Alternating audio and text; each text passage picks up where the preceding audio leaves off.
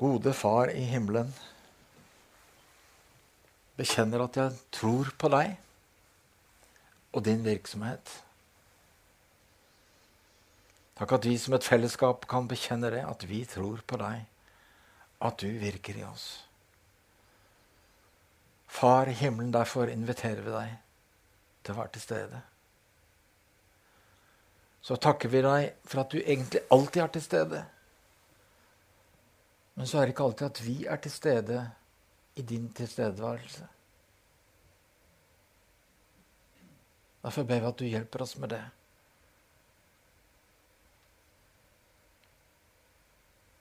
At vi kan åpne oss for ditt nærvær, slik at vi erfarer din virksomhet. Derfor sier vi 'kom inn i vår virkelighet'. Kom inn i vår erfaring. Slik at vi kan smake din herlighet. At vi kan smake det du gjør og det du ønsker å gjøre i oss. Ber vi at du åpenbarer ditt ord for oss, slik at vi skjønner hva det betyr i våre liv. At vi så kan erfare virkeligheten forløst i våre liv ved din gode Hellige Ånd. Far, hjelp oss til å høre. Hjelp meg til å tale. Amen. Prekenteksten som jeg har valgt, er da ut fra Filippenserne 2, 12-13. Og vi siterer fra den siste eh, i vers 13. Der står det, som kommer her, Mine elskede, liksom dere alltid har vært lydige, så arbeid på deres frelse med frykt og beven. Ikke bare som da jeg var hos dere, men enda mer når jeg er borte fra dere. For Ser du den?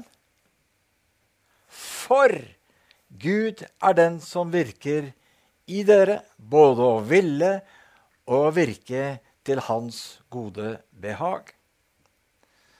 Hva vil det si å arbeide på sin frelse med frykt og beven? Det er nesten så du får skjelvinger av den. Hva i all verden betyr det? Det interessante er at hva enn det betyr, så resulterer det i en gudsvirksomhet i oss.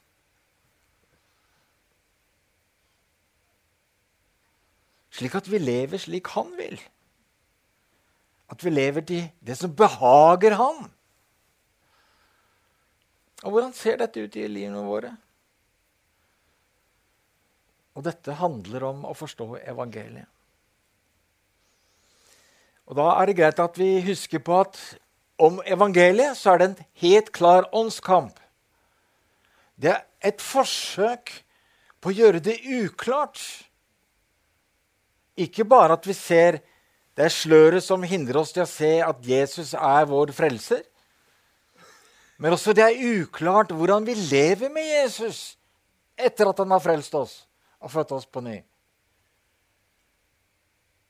Det er noe åndelig som surrer også i dine tanker, som prøver å gjøre det uklart.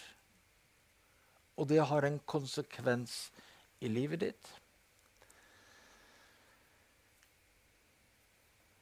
Hvis det blir uklart, så har vi en tendens til å dette ned i menneskelig forsøk i vårt kristenliv. Det blir altså en menneskelig religiøsitet. som Vi ønsker å ha noe med Gud å gjøre, men uten Guds krafts virksomhet. Og det håper jeg at vi kan rydde litt opp i. Hvordan er egentlig evangeliet, altså de gode nyhetene om å leve som kristen? Kristenlivet, eller helliggjørelse, hvis du liker å bruke det uttrykket, er fruktbasert. Det betyr at vi har en årsak som gir en virkning, og det er veldig viktig å forstå. For vi ønsker å ha virkningen, men vi skjønner ikke alltid hva som skal til for at vi får denne virkningen. Vi ønsker at Gud skal virke i livene våre, men vi skjønner ikke alltid hva som får han til å virke i livet våre. Det beskriver evangeliet.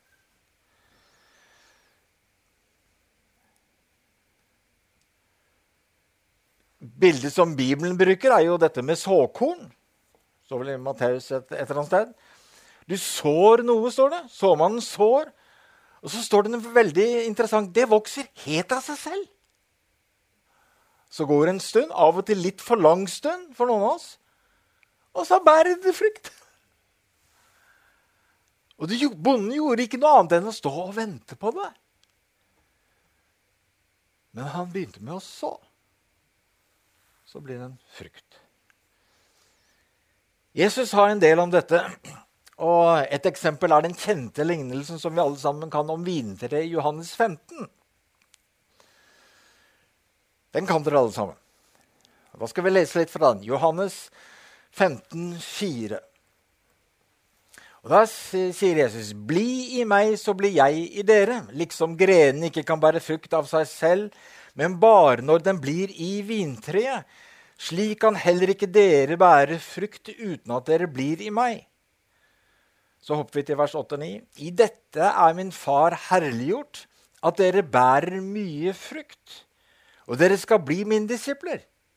Liksom Faderen har elsket meg, så har jeg elsket dere. Bli i min kjærlighet. Jesus sier altså noe grunnleggende viktig. Frukt som er preget av Jesus, vokser ikke fram i oss hvis vi ikke er koblet til Jesus. Altså at vi blir i.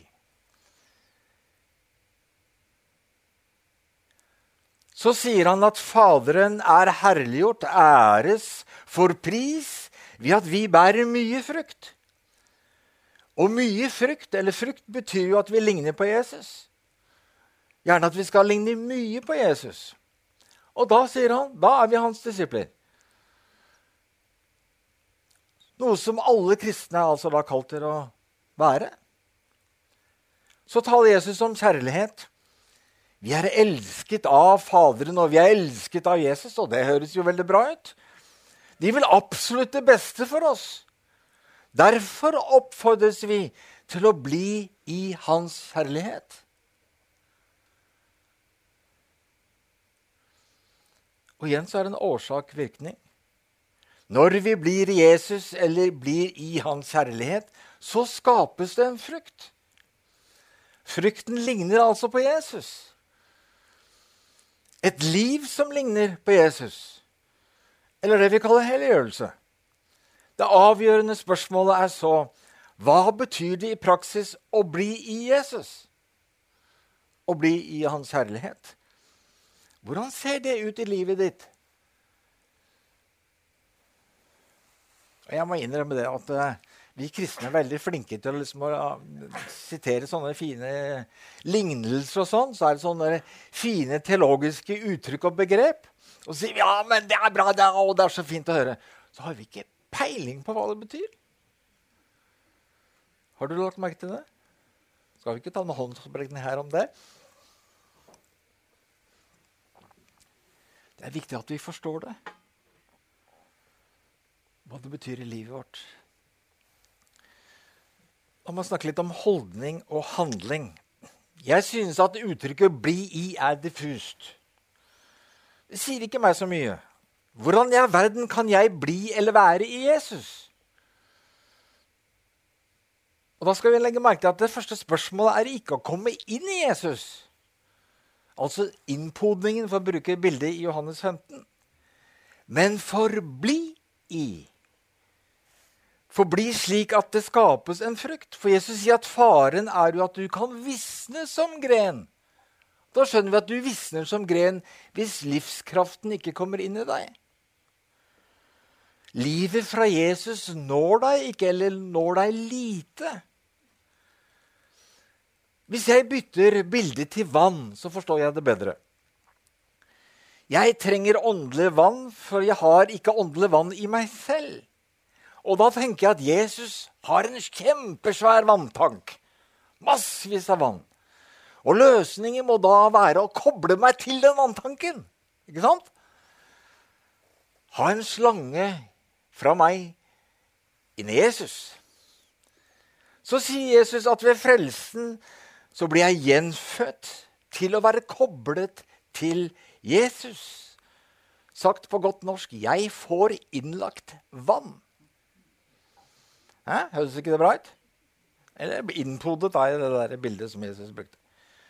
Så utfordringen er ikke det om å få slangen inn i livet. Det ordnet Den hellige ånd da jeg ble født på ny. Men problemet er at det er en slags kran på den slangen. Har du vært borte på sånne fellesdusjer hvor du har sånn trykknapp på dusjen? Du må trykke på hele tiden for at spruten skal komme. Så står det der og koser deg, så plutselig er det tomt, og så, oi, og så må du trykke igjen. Jeg tenker at denne kranen på denne slangen mellom Jesus og meg er en trykkran. Du må stadig trykke på han for å få dette vannet. Jeg må altså velge å holde denne kranen åpen, så levende vann fra Jesus kan renne inn i livet mitt og skape frukt. Vi kan da si at kristenlivet dreier seg om en holdning hva trykkbryteren stadig trenger å trykkes inn. Det er holdningen. Og så må du én ting til handling. Jeg må trykke på den! Trykke på den! Trykke på den! Ellers så stopper det opp. Det er å arbeide på din frelse.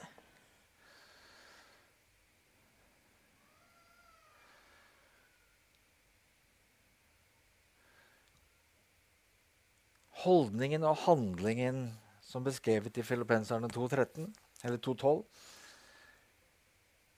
Livet med Jesus, som gjør meg til en etterfølger av Jesus, som det sto. Det som avgjør om vi erfarer Guds virksomhet i oss, til både å ville og til å virke til hans behag. Som altså er Guds tilbud ut fra evangeliet. Nøkkelen i vårt forhold til Gud, altså å bli i Jesus, hva betyr så det?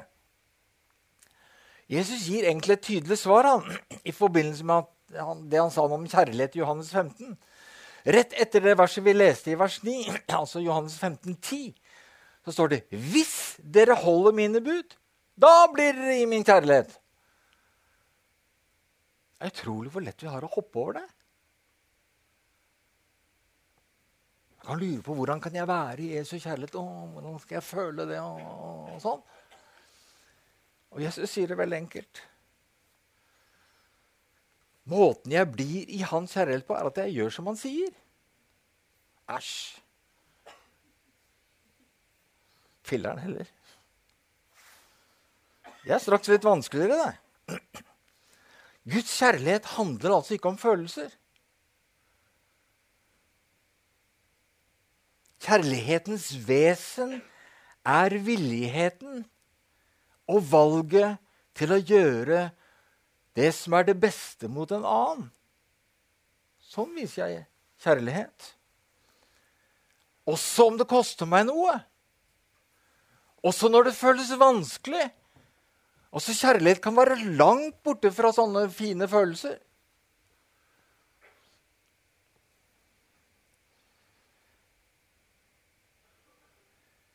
Hvis Jesus puster på deg med sitt kjærlighetsnærvær, da har skjedd noe rart. Da fylles du med en motivasjon til å behage han. Gjøre det han ønsker. Det er veldig flott. Hvis vi ber for deg, så kommer Den hellige ånd, og så følger han deg med en trang til å elske, gjøre det gode. Men så er det slik at han ønsker at du skal få bli i det, også når du ikke kjenner dette nærværet. Da skjønner han at du virkelig ønsker å velge ham og følge ham og vokse i det. Da forblir du i ham. Det som er litt dumt i eh, sånne karismatiske kretser som vi befinner oss her som eh, menighet, for å henge ut oss selv litt, er at vi heier på opplevelsene eller følelsene av Guds nærvær. Og det er bra å ha opplevelser av Guds nærvær. Men ikke bra hvis du ikke lærer å elske ham ved å velge ham og gjøre som han sier. Hører du hva jeg sier? Vi kan si 'Kom, Hellige Ånd'. Ånden kan komme og røre ved deg slik at du føler det og merker det i kroppen. Det kan være at du trenger det. Det kan være flott. Men det hjelper deg ikke så mye hvis du ikke hører hva han sier, og gjør hva han sier. Derfor tror jeg da må ofte vi har sånne brusninger i karismatiske greier uten at frukten egentlig blir så stor på sikt. Det var altså en anledning som man ikke skjønte å tilegne i sitt liv. Så gikk det forbi.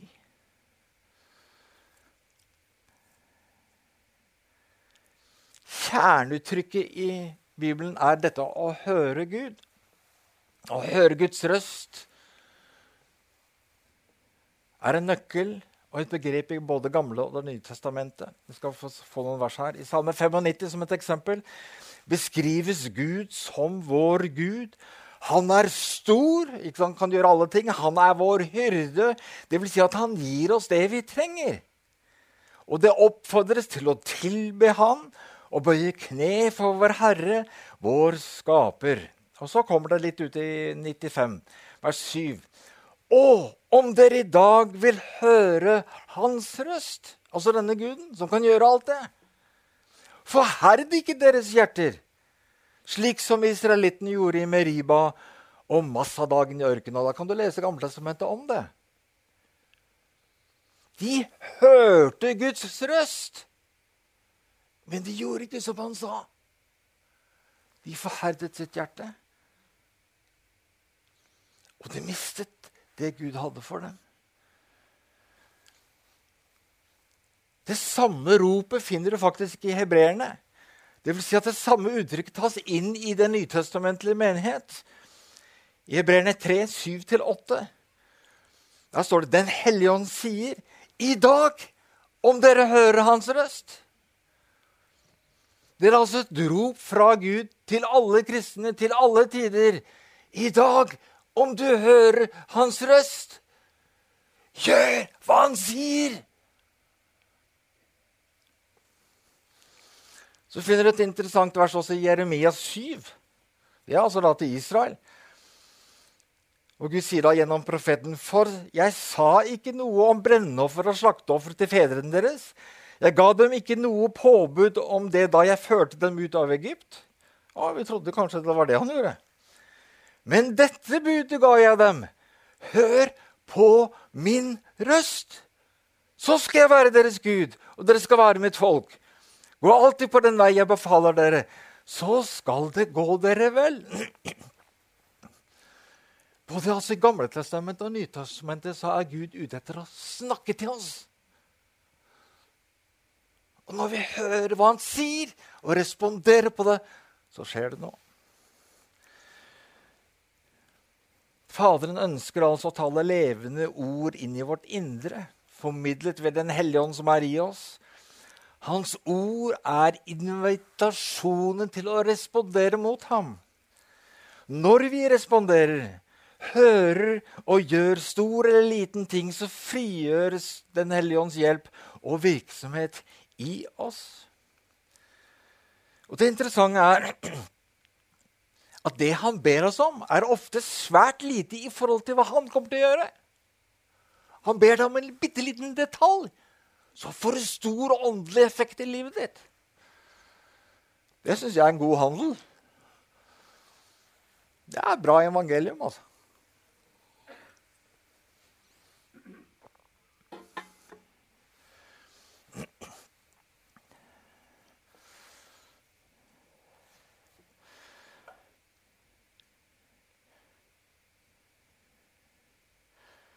Hva slags frukt skapes i oss? Det at du gjør det som er bra for deg og de rundt deg, og det som gleder Jesus.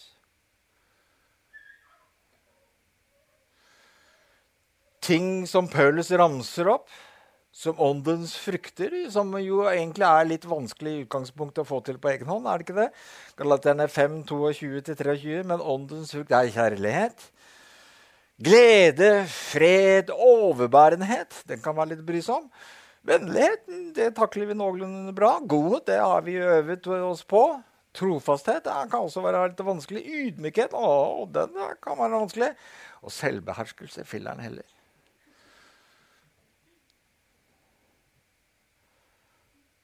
Du vet hvordan du får til den remsa der?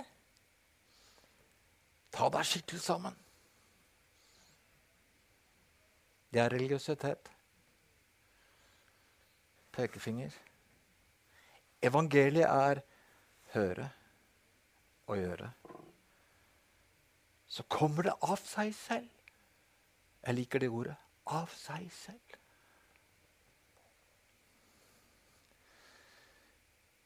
Enkelt beskrevet så står vi overfor to valg. La det naturlige menneskelige råde eller vende oss mot Jesus eller Den hellige ånd og få hans hjelp. Så skaper han den åndelige frukten i oss. Ved frelsen så kobles vi til Kobler Den hellige ånd oss til nådens kilde. Spørsmålet er om vi åpner opp for hva den kan gjøre i oss. Jesus beskriver betingelsen som at vi hører og gjør det han sier til oss. I Johannes 16, 21 så sier Jesus at vi elsker ham ved at vi gjør som han sier. Og Resultatet der er at både Jesus og Faderen blir i oss, dvs. Si virker i oss ved Den hellige ånd. Og det betyr, sier Jesus, at vi velger å leve i Hans herlighet. Evangeliets kjerne angående liv med Gud handler om kjærlighet. Vår kjærlighet mot Gud som betyr at vi ønsker å gjøre det han sier, og at vi gjør det. Og at vi så viser godhet mot alle mennesker rundt oss. Fordi han sier det til oss. Og jeg tror faktisk det, altså noen har sagt, at det er riktig at hovedspørsmålet blir når du kommer til himmelen og møter Jesus ved Jesu Kristi domstol, som det heter det, er spørsmålet hvordan elsket du?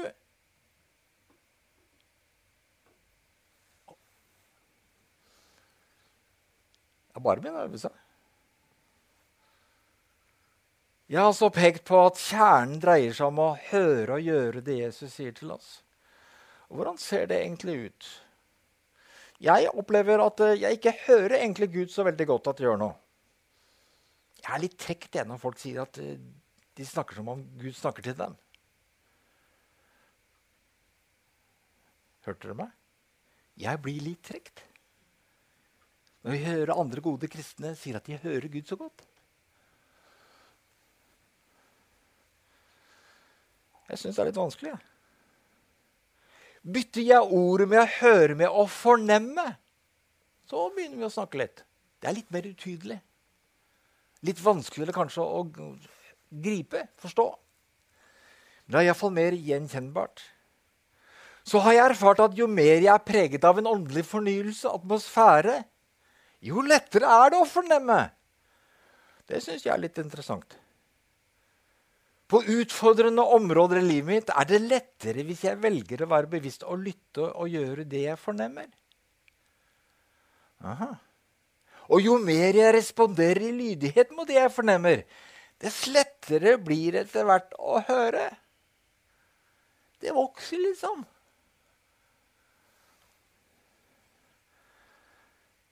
skal få et eksempel. Relasjonen til Elin jeg hadde det slik Det er litt historie. Får lov til å bekjenne det. Det har skjedd en ting i liv, mye i livet mitt. Så dette er litt tilbake. Jeg hadde det slik at Hvis hun gjorde noe som jeg opplevde vanskelig eller sårende, så stengte jeg alle luker. Jeg hadde et sånt bilde av en ubåt som skalket lukken. Så gikk jeg et sånt dypt dykk gikk jeg under vannet et par dager bortover, og så kom jeg opp igjen, tok opp periskopet og lurte på liksom, er det storm eller er det fredfullt her.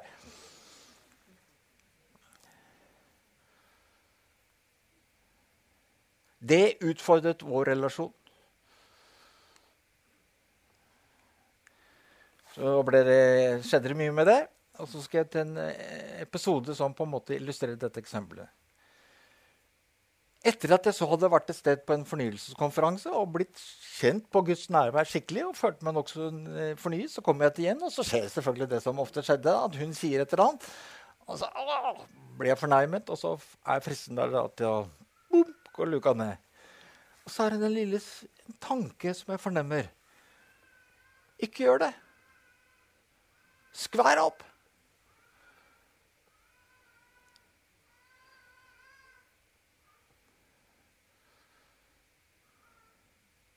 Det var unaturlig. Refleksen i meg var noe helt annet. Det menneskelige strittet imot. Følte jo egentlig at hun hadde gjort noe galt. Vil gjerne rettferdiggjøre meg. Sa den stemmen noe helt annet.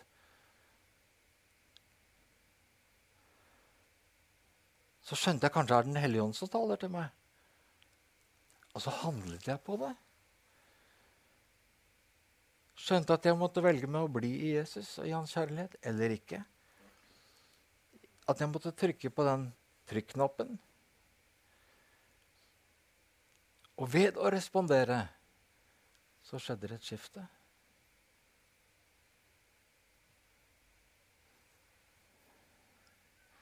Så virker det på lignende måte på alle områder i livet. Jeg har lært meg at hvis jeg har det vanskelig på et område, så velger jeg å ha en bevisst bønn med Jesus om det. 'Jesus, nå må du snakke til meg!' Når jeg kommer til den fristelsen, snakk til meg! La meg høre hva du sier, slik at jeg kan gjøre som du sier.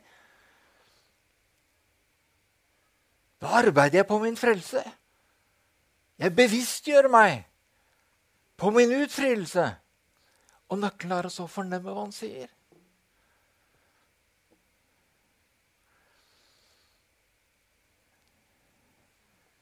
En liten lydighetsrespons skifter bildet. Det jeg har snakket om uh, så langt, jeg har ikke lenge igjen, handler om ditt liv med Jesus og dine valg. Men vi må ha med et annet perspektiv, for vi bekjenner vi tror på. Vi er et kristig legeme. Det er et stort vi.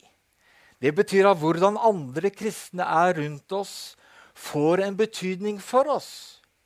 Deres søken etter Gud og dets gudsnærvær de er med på å fremme 'Kan jeg dra veksler på?'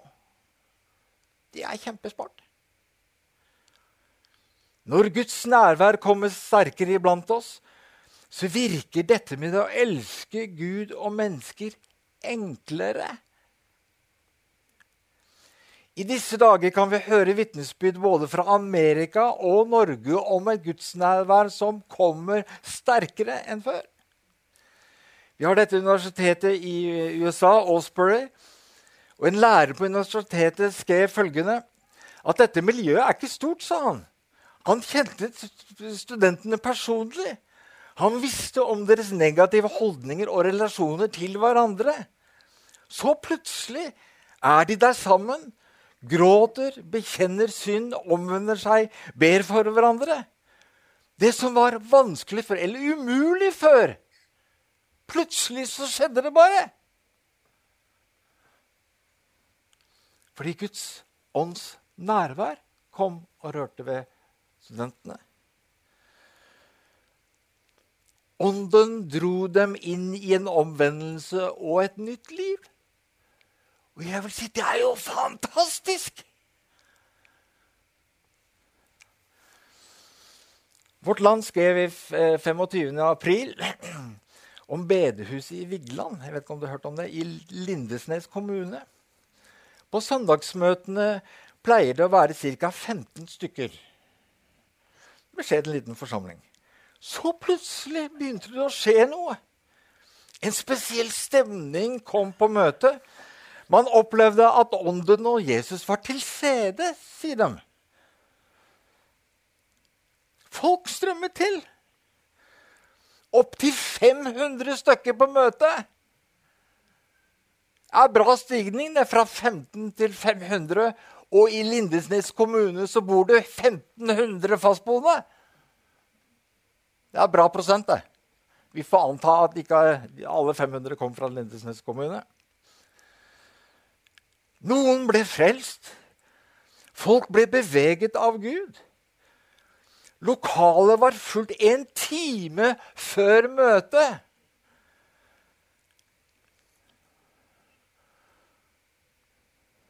Hvorfor det? Gjett, da!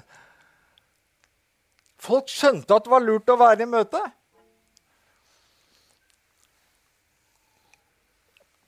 Hvorfor var det lurt å være på møte? Det var en Guds virksomhet der. Nå samles de i enda større lokaler.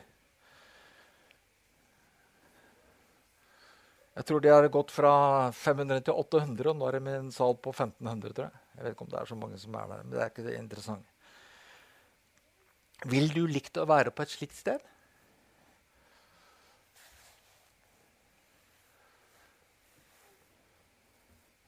Hvor atmosfæren, bare at du kommer inn og setter deg i salen, gjør at du dras mot Gud? At Gud begynner å snakke til deg, og at du føler det ubehaget angående disse her tingene som du gjør på privaten.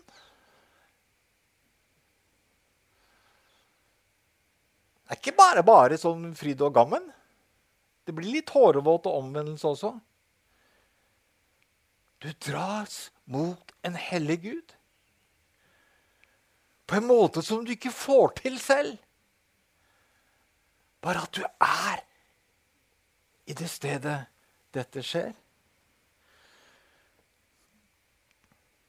Hvor atmosfæren hjelper deg til å ta valg som ellers er for vanskelige.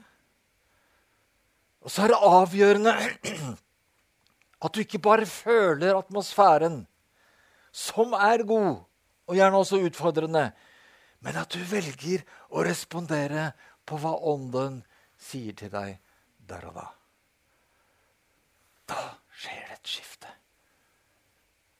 Som de vitnesbyrd i Osbury og mange andre steder. Lovsangeren, nå kan dere komme opp. Vil du like at det var sånn her? Jeg hører ikke. Ønsker du deg det for deg, for deg selv? Ja.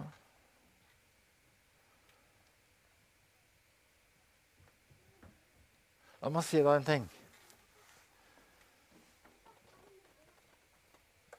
Vi har profetiske ord som sier at Gud ønsker at det skal være slik her. At Tønsberg frikirke skal være en menighet hvor vi lar Ånden komme hvis han vil. At vi har en lengsel etter at hans nærvær kommer og driver denne menigheten. Ikke alle våre smarte tanker og gode forslag. Det er en invitasjon. Vi som legger med kroppen, kan si ja, amen. Kom, Herre Jesus. Kom på den måten du vil. Men det vi trenger, er at du virker i oss. Vi trenger at du er her med din atmosfære, ditt nærvær, og drar oss mot deg, slik at vi kan høre hva du sier, Jesus, og gjøre hva du sier, slik at vi erfarer din virksomhet i våre liv og gjennom våre liv.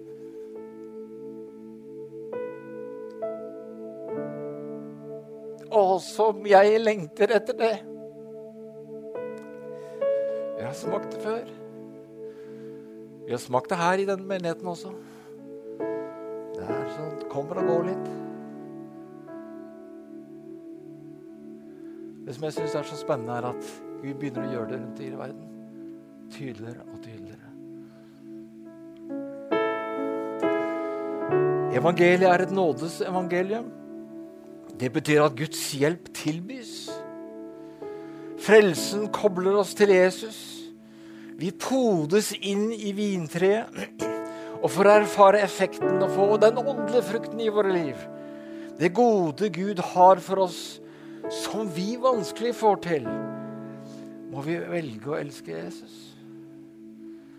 Jesus sa at det handler om at vi fornemmer det han i øyeblikket sier til oss, det vi har lært, og velger det.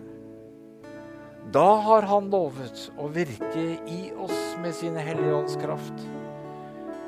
Og dette er mye enklere å få til når vi utsetter oss for påvirkning av Guds nærvær, som andre kan hjelpe oss til å erfare på våre bønnemøter, i kabellet,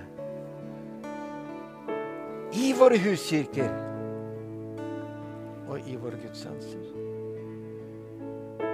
Alle disse stedene som ønsker at Guds nærvær skal komme. Og at vi kaller på Han. Og Han vil komme. Gode Far i himmelen, se til oss i din nåde. Herre Jesus, la disse ord jeg har talt, vekke en brann i våre hjerter. Vi kjenner tørsten etter deg, tørsten etter din virksomhet. Hjelp oss til å få opp ørene til å fornemme deg. Gjenkjenne det du sier i alt det kaoset som vi kanskje hører. At vi gjenkjenner ditt pust inn i vår sjel og inn i vår ånd. At vi så velger å gi oss til deg og erfarer din virksomhet. Kom, Herre Jesus.